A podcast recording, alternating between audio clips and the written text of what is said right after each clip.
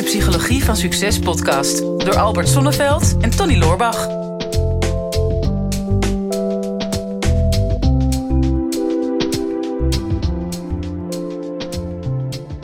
Nou Albert, de vorige podcast was ik met name aan het woord, want het ging over mijn vak. Nu heb ik een vraag gekregen waar ik uh, weinig over te zeggen heb, maar in het kader van de beste stuurlui staan aan wal kan ik hier misschien iets mee. Want ik heb een vraag van uh, Roel gekregen. En Roel zegt, uh, als vaste luisteraar hoop ik een geschikte vraag op jullie podcast te hebben. Wat is essentieel voor goed ouderschap?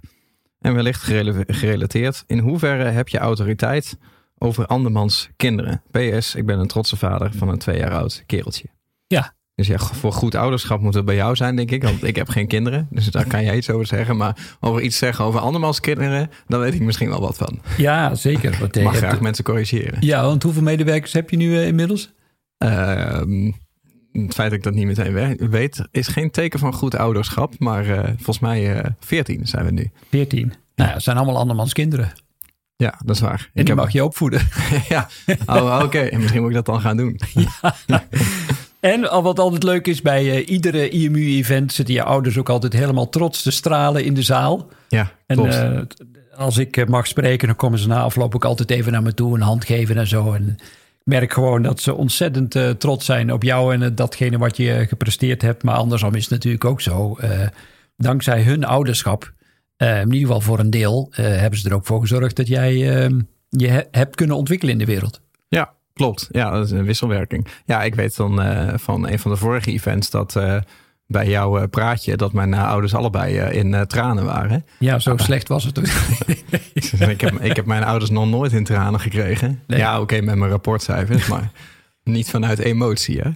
Nee, nee. Dus nou ja, het, het was inderdaad, denk ik, ouderschap. Ik, ik snap het. En ouderschap gaat verder dan alleen maar het verzorgen van kinderen. Uh, je mag het in het kader van deze podcast Psychologie van Succes ook breder trekken.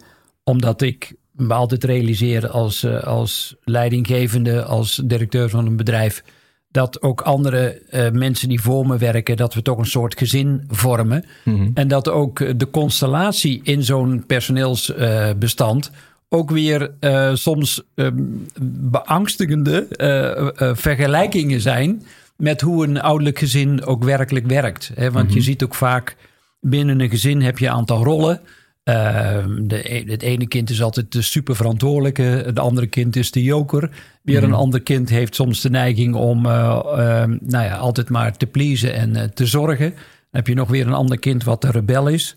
En je ziet vaak het, eh, de rol die ze hebben aangenomen in het gezin van oorsprong, dat mhm. ze die rol ook weer meenemen in jouw team. Ja. Dus in die zin houdt opvoeden nooit op. En dan zie je ook vaak de conflicten die medewerkers onderling kunnen hebben. Vaak ook weer conflicten zijn die veel dieper zijn. Ook weer voortkomen uit het gezin van oorsprong. Hè? Dus mhm. een dominante broer of een dominante zus.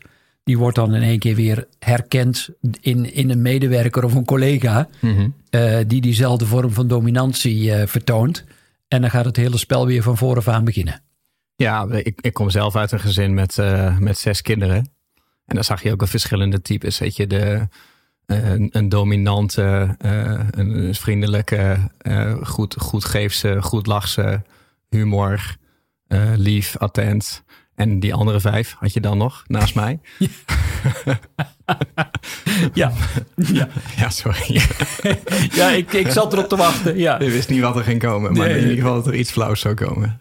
Maar uh, nou ja, goed. Dus die patronen die, die gaan gewoon door. Maar als je het hebt over opvoeden, wat, wat zo belangrijk is, ook uh, als je ouder bent en tegelijkertijd ook een bedrijf hebt of uh, ondernemerschap um, hebt, ja, dan, dan, zul je, dan kom je er niet aan dat je, hoe beter dat je gezin geregeld is, hoe meer ruimte dat je krijgt voor het ondernemen. Mm -hmm. Nou ja, de, de eerste regel die ik zelf altijd uh, hanteer uh, en, uh, binnen mijn eigen gezin, ook al zijn de kinderen inmiddels allemaal uitgevlogen, is opvoeden is voorleven. Mm -hmm. En um, ik zeg negen van de tien keer tegen ouders die problemen hebben met hun kinderen, je hebt veel te veel tekst naar je kinderen toe. Um, veel te veel woorden, zeker in de puberteit, wordt er veel te veel gediscussieerd. En dat geeft zoveel verwarring, want je krijgt een heleboel mentaal geleuter. Uh, en, en dan gaat het op een niveau wat heel mentaal is, maar uiteindelijk opvoeden gebeurt vanuit het hart. Het gebeurt veel meer vanuit de emotie, vanuit Mhm. het gevoel, vanuit een gevoel van vertrouwen. En kun je dat overbrengen door het als ouder te laten zien in je eigen gedrag. Mhm. Ehm, want vaak doen mensen anders dan dat ze zeggen. Hè, Mhm. dat, nou, dat herken je waarschijnlijk ook wel. Ehm, hè, dat ouders bijvoorbeeld zeggen van nou leg die telefoon eens weg, want je zit altijd op je telefoon. En als je dat gezin dan observeert, wie zit er het meest op hun telefoon? Dat zijn de ouders zelf. Mhm. Weet je wel, ja, dan denk ik, ja, die kinderen zijn niet gek. Weet je, het, ik, zoals ik er altijd naar kijk, het is een volwassen ziel die nog in een kinderlichaam zit. Maar de kinderen zijn negen van de tien keer wijzer dan de ouders. Mhm. Hè, want jij bent ook weer wijzer eh, geboren dan dat eh, jouw ouders zijn. En dat, dat iedere generatie volgt elkaar weer op. Want tegenwoordig leren ouderen van kinderen in plaats van andersom. En dat wordt nog wel eens een keer vergeten. Hè. Er komt een hele, en er is een hele wijze generatie aan het opgroeien. En je ziet ook hè, de, de, de jongeren van tegenwoordig hoe ze omgaan met milieuproblematiek en aankijken tegen wereldproblematiek is heel anders dan eh, de volwassenen van nu. Ja. Dus leer op een gelijkwaardige manier daar ook naar kijken. Eh, dus dus hoe, hoe kun je nu een kind optimaal begeleiden? Dat gaat erover dat je ervan uit mag gaan dat een kind eh, talenten heeft, eh, dat een kind ergens gepassioneerd over is Mhm. en vooral ook nieuwsgierig is en geef ruimte voor nieuwsgierigheid. Mhm.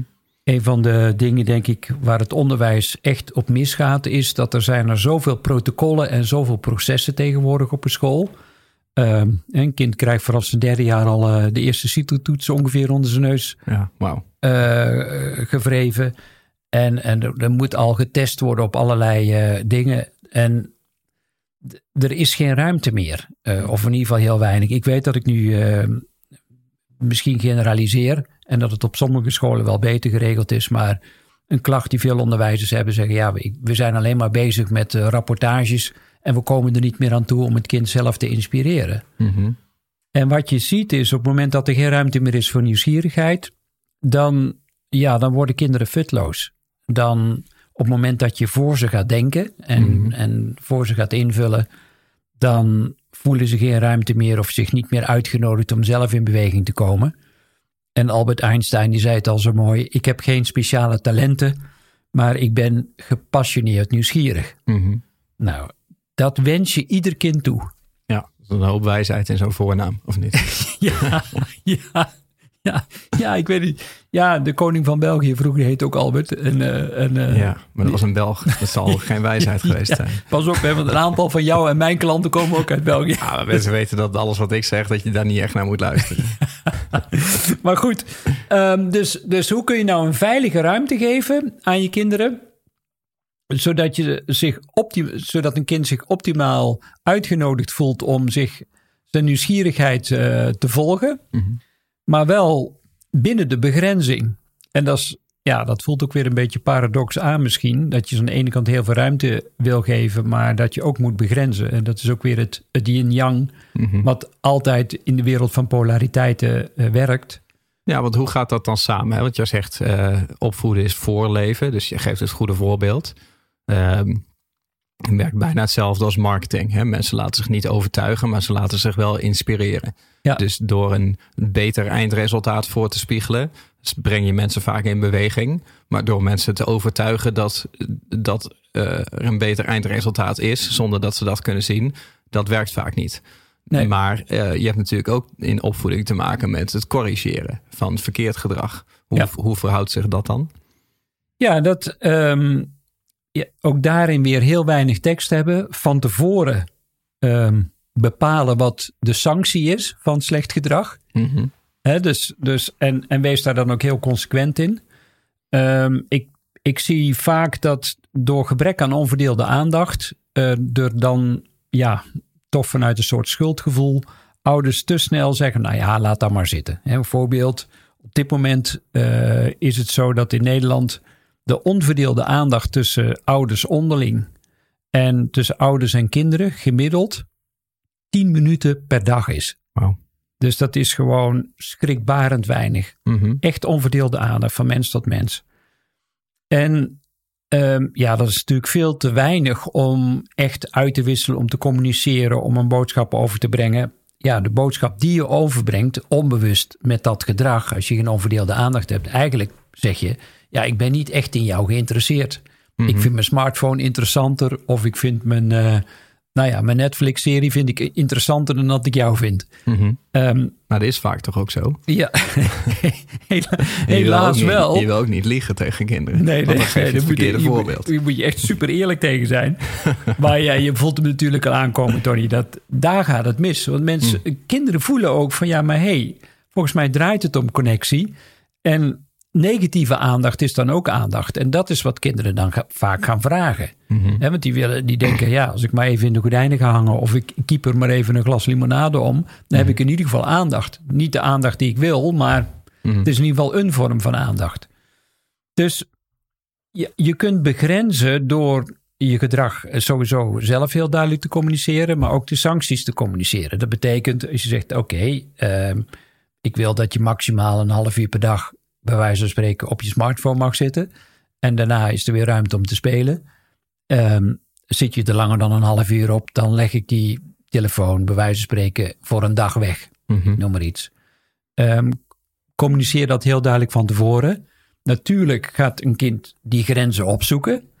eh, en gaat dus 35, drie kwartier. Denk, nou ja, zolang mijn ouders niks zeggen, blijf ik lekker zitten. Want Mhm. zoals jij ook weet, eh, al die gadgets die zitten boordevol met verleidingen. Mhm. eh, die er helemaal op gericht zijn om jou verslaafd te maken Ja. aan de prikkels. Dus een kind blijft automatisch langer op die smartphone hangen. Mhm. Maar dan zul je zelf als ouder de kracht moeten hebben. Ik wou bijna zeggen de ballen moeten hebben. Ik zeg het niet, maar Mhm. hè, ik had het bijna gezegd. Ja. Eh, om te zeggen, oké, half uur is voorbij. Dit was de afspraak. Ik leg die telefoon voor een, een, een dag weg, bij wijze van spreken. Ja, je Mhm. moet zelf de, de sanctie maar bespreken. Die mag je ook onderhandelen met je kind. Mhm. Dat mag ook nog. Dat is sowieso, Ah, denk ja. ik, ook een heel mooi proces van volwassen worden. Mhm. Ehm, ja, en dat geldt voor heel veel dingen. Het is zo, en helaas merk ik dat ehm, nogal wat jonge mensen burn-out zijn op dit moment. En een van de redenen die ik kan bedenken is omdat ze als kind in hun jeugd te weinig gefrustreerd zijn en te weinig begrenzing hebben gekregen. Mhm. Te weinig weerstand hebben gekregen in de opvoeding.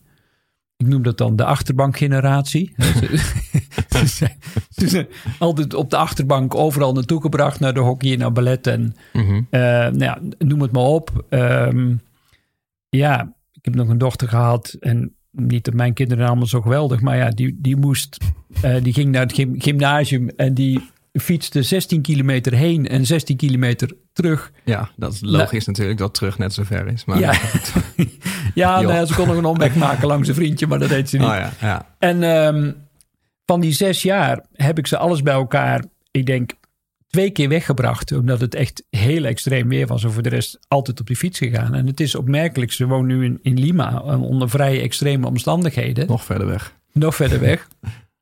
Maar ze, ehm, die hoor ik dus nooit ooit klagen. Mhm. Eh, om, en, en die heeft echt wel een aantal hele heftige dingen meegemaakt daar. Ehm, maar ik denk dat het voor een deel, het zit voor een deel in karakter, maar voor een deel ook is omdat ze ja, ook zo gevormd is. Van, nou ja, goed, ik heb te maken met een tegenslag. Mhm. En ik ga op een creatieve manier kijken hoe ik daarmee om kan gaan. Ja. Eh, dus, dus leren begrenzen. eh, en tegelijkertijd, als je begrenst, geeft die sancties aan. En wat ik ook nog al eens een keer zie bij ouders tegenwoordig, is dat ze hun eigen frustratie of hun eigen verwachtingen op hun kinderen projecteren. Die kinderen moeten echt aan de meest onmogelijke eisen voldoen. Ehm, mo- moeten per se naar de beste school en moeten eh, zowel op muziekles als op sportles als nou ja, weet ik veel wat. Ik heb Mhm. dadelijk gesprek met een, met een ouder die, een vader die echt super succesvol is. En ja, zijn kinderen zijn ook heel getalenteerd. Eh, een daarvan zit, eh, zit ook op de, op de universiteit en eh, blinkt uit in golf. Mhm. Speelt muziekinstrumenten. Nou, je zou denken echt de meest ideale schoonzoon. Beetje net als ik. Ja, die komt echt heel erg bij jou in de buurt dan, hè? Is natuurlijk maar één Tony. Maar, ehm, en dan, dan zie je dat dat kind echt heel onzeker is, nog steeds. Want die heeft zoiets van, ja, ik kan nooit in de buurt komen van het succes van mijn ouders. Mhm. En ehm, Ja, en aan mij zo dadelijk dan de taak om te kijken van hoe ik eh, ja, dat kind toch kan helpen om voldoende zelfvertrouwen te ontwikkelen. Los van de verwachtingen van de Mhm. ouders. En natuurlijk ook van zijn eigen verwachtingen die hij heeft. Ja. Nou ja, maar dat weet je, in de vraag staat natuurlijk van hè, wat, wat zijn de eigenschappen van goed ouderschap? En bijkomende vraag, mag jij eh, iets eh, zeggen over de kinderen van iemand anders? Nou word jij dan ingehuurd feitelijk om iets te zeggen over de kinderen van een ander. Ja, Ehm, dus dan mag het. Hè. We hebben het ook wel eens gehad over wanneer kom je met ongevraagd advies. ja. Hè, dus of wanneer mag iemand advies geven? Nou, ongevraagd eigenlijk zelden. Dus Hmm. eigenlijk alleen als iemand erom vraagt of als je heel dichtbij iemand staat. Hè? Dus als het, als het familie is. Dus Ja. ja. jij mag je kinderen adviseren, laat het zo noemen, in plaats van opvoeden. Jij nu dan als coach. Maar ehm, hoe is dan de verhouding? Want hè, als jij eh, dit soort kinderen gaat adviseren, Hmm. wat, wat betekent dat dan voor de rol van ouders? Ja, kijk, eh, ik weet niet van waaruit die vraag gekomen is, maar wat je vaak ziet tegenwoordig is samengestelde gezinnen. Hè, Dus Mhm. ehm, ehm, 96 echtscheidingen per dag in Nederland op dit moment. Mhm. In 60% van alle gevallen daar zijn daar eh, kinderen bij betrokken. Nou, na die echtscheiding zie je vaak weer dat er een nieuwe relatie eh, ontstaat. Nou, dan heb je vaak samengestelde gezinnen. Ja, en wat wordt dan jouw rol? Mag je iets zeggen over de kinderen van de ander? Mhm. Nou, ik denk dat je zeker een, een, een corrigerende taak hebt naar kinderen. Eh, Ik bedoel, als een van die kinderen van de andere ouder op de ramen spuugt bij de buren, Mhm. ja, dan, Dat mag niet. eh, eh, dan heb je wel een corrigerende taak. Dan zeg je van, joh, hey, eh, dat doe je niet, of ze hoort het niet, of als je dan toch spuugt. Precies, dan doe er dan ook een doekje over. Ja, ja, Gaat weer mooi glimmen. Ja. ja, precies. Maar ehm, ja, je hebt, je hebt in die zin geen opvoedende taak. Hè, want dat wordt vaak niet geaccepteerd door het kind. Want die zegt dan heel terecht van ja, je bent mijn vader niet of je bent mijn moeder niet. En eh, wijzend naar de biologische ouders. Mhm. Ehm, maar ja, je, je kunt het wel hebben over welke vorm van correctie je als eh, hulpouder of als bonusouder wel mag hebben. Mhm. Ehm, ja, en in mijn geval ja, word ik ingehuurd als coach. En daarin moet ik ook heel duidelijk bepalen. Ik, ik, hoef niet, ik hoef niet eens te corrigeren in dat geval. Het enige wat ik vaak weer hoef te doen is het opbouwen van zelfvertrouwen. Ehm, door ze te laten oefenen. Ik heb eh, in het verleden een keer een kind van een van de ouders waar ik door was ingehuurd. Die had nog geen rijbewijs. En, ehm, maar was wel, eh, had al wel een keer in het verleden wat autorijlessen gehad. En toen zei ik, eh, nou, hier heb je mijn autosleutels. Mhm. Dit is geen lesauto. Hij is ook niet verzekerd. maar ik heb er alle vertrouwen in dat jij ons veilig van A naar B brengt. Mhm. Nou, dat kind dat, dat kreeg alle kleuren van de regenboog. eh, met trillende handjes in, achter die auto, achter in die, of in die auto gezeten achter het stuur. En ehm, dat is iets in die coaching wat nog altijd bijgebleven is. Ze zegt, ja, ik kon me niet voorstellen dat jij zoveel vertrouwen in me had. Mhm.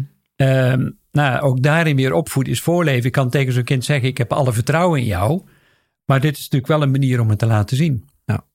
Nou, en dat kun je, eh, als je in een samengesteld gezin bent, ook op die manier doen. Mhm. Door het niet te vertellen, maar nou ja, gewoon met zo'n voorbeeld. Ja. Met alle risico's van die natuurlijk. En, ja. En heb je nog iets van een grootste, grootste fout als eh, nieuwe ouder, als beginnende ouder? Grootste valkuil waar je in trapt?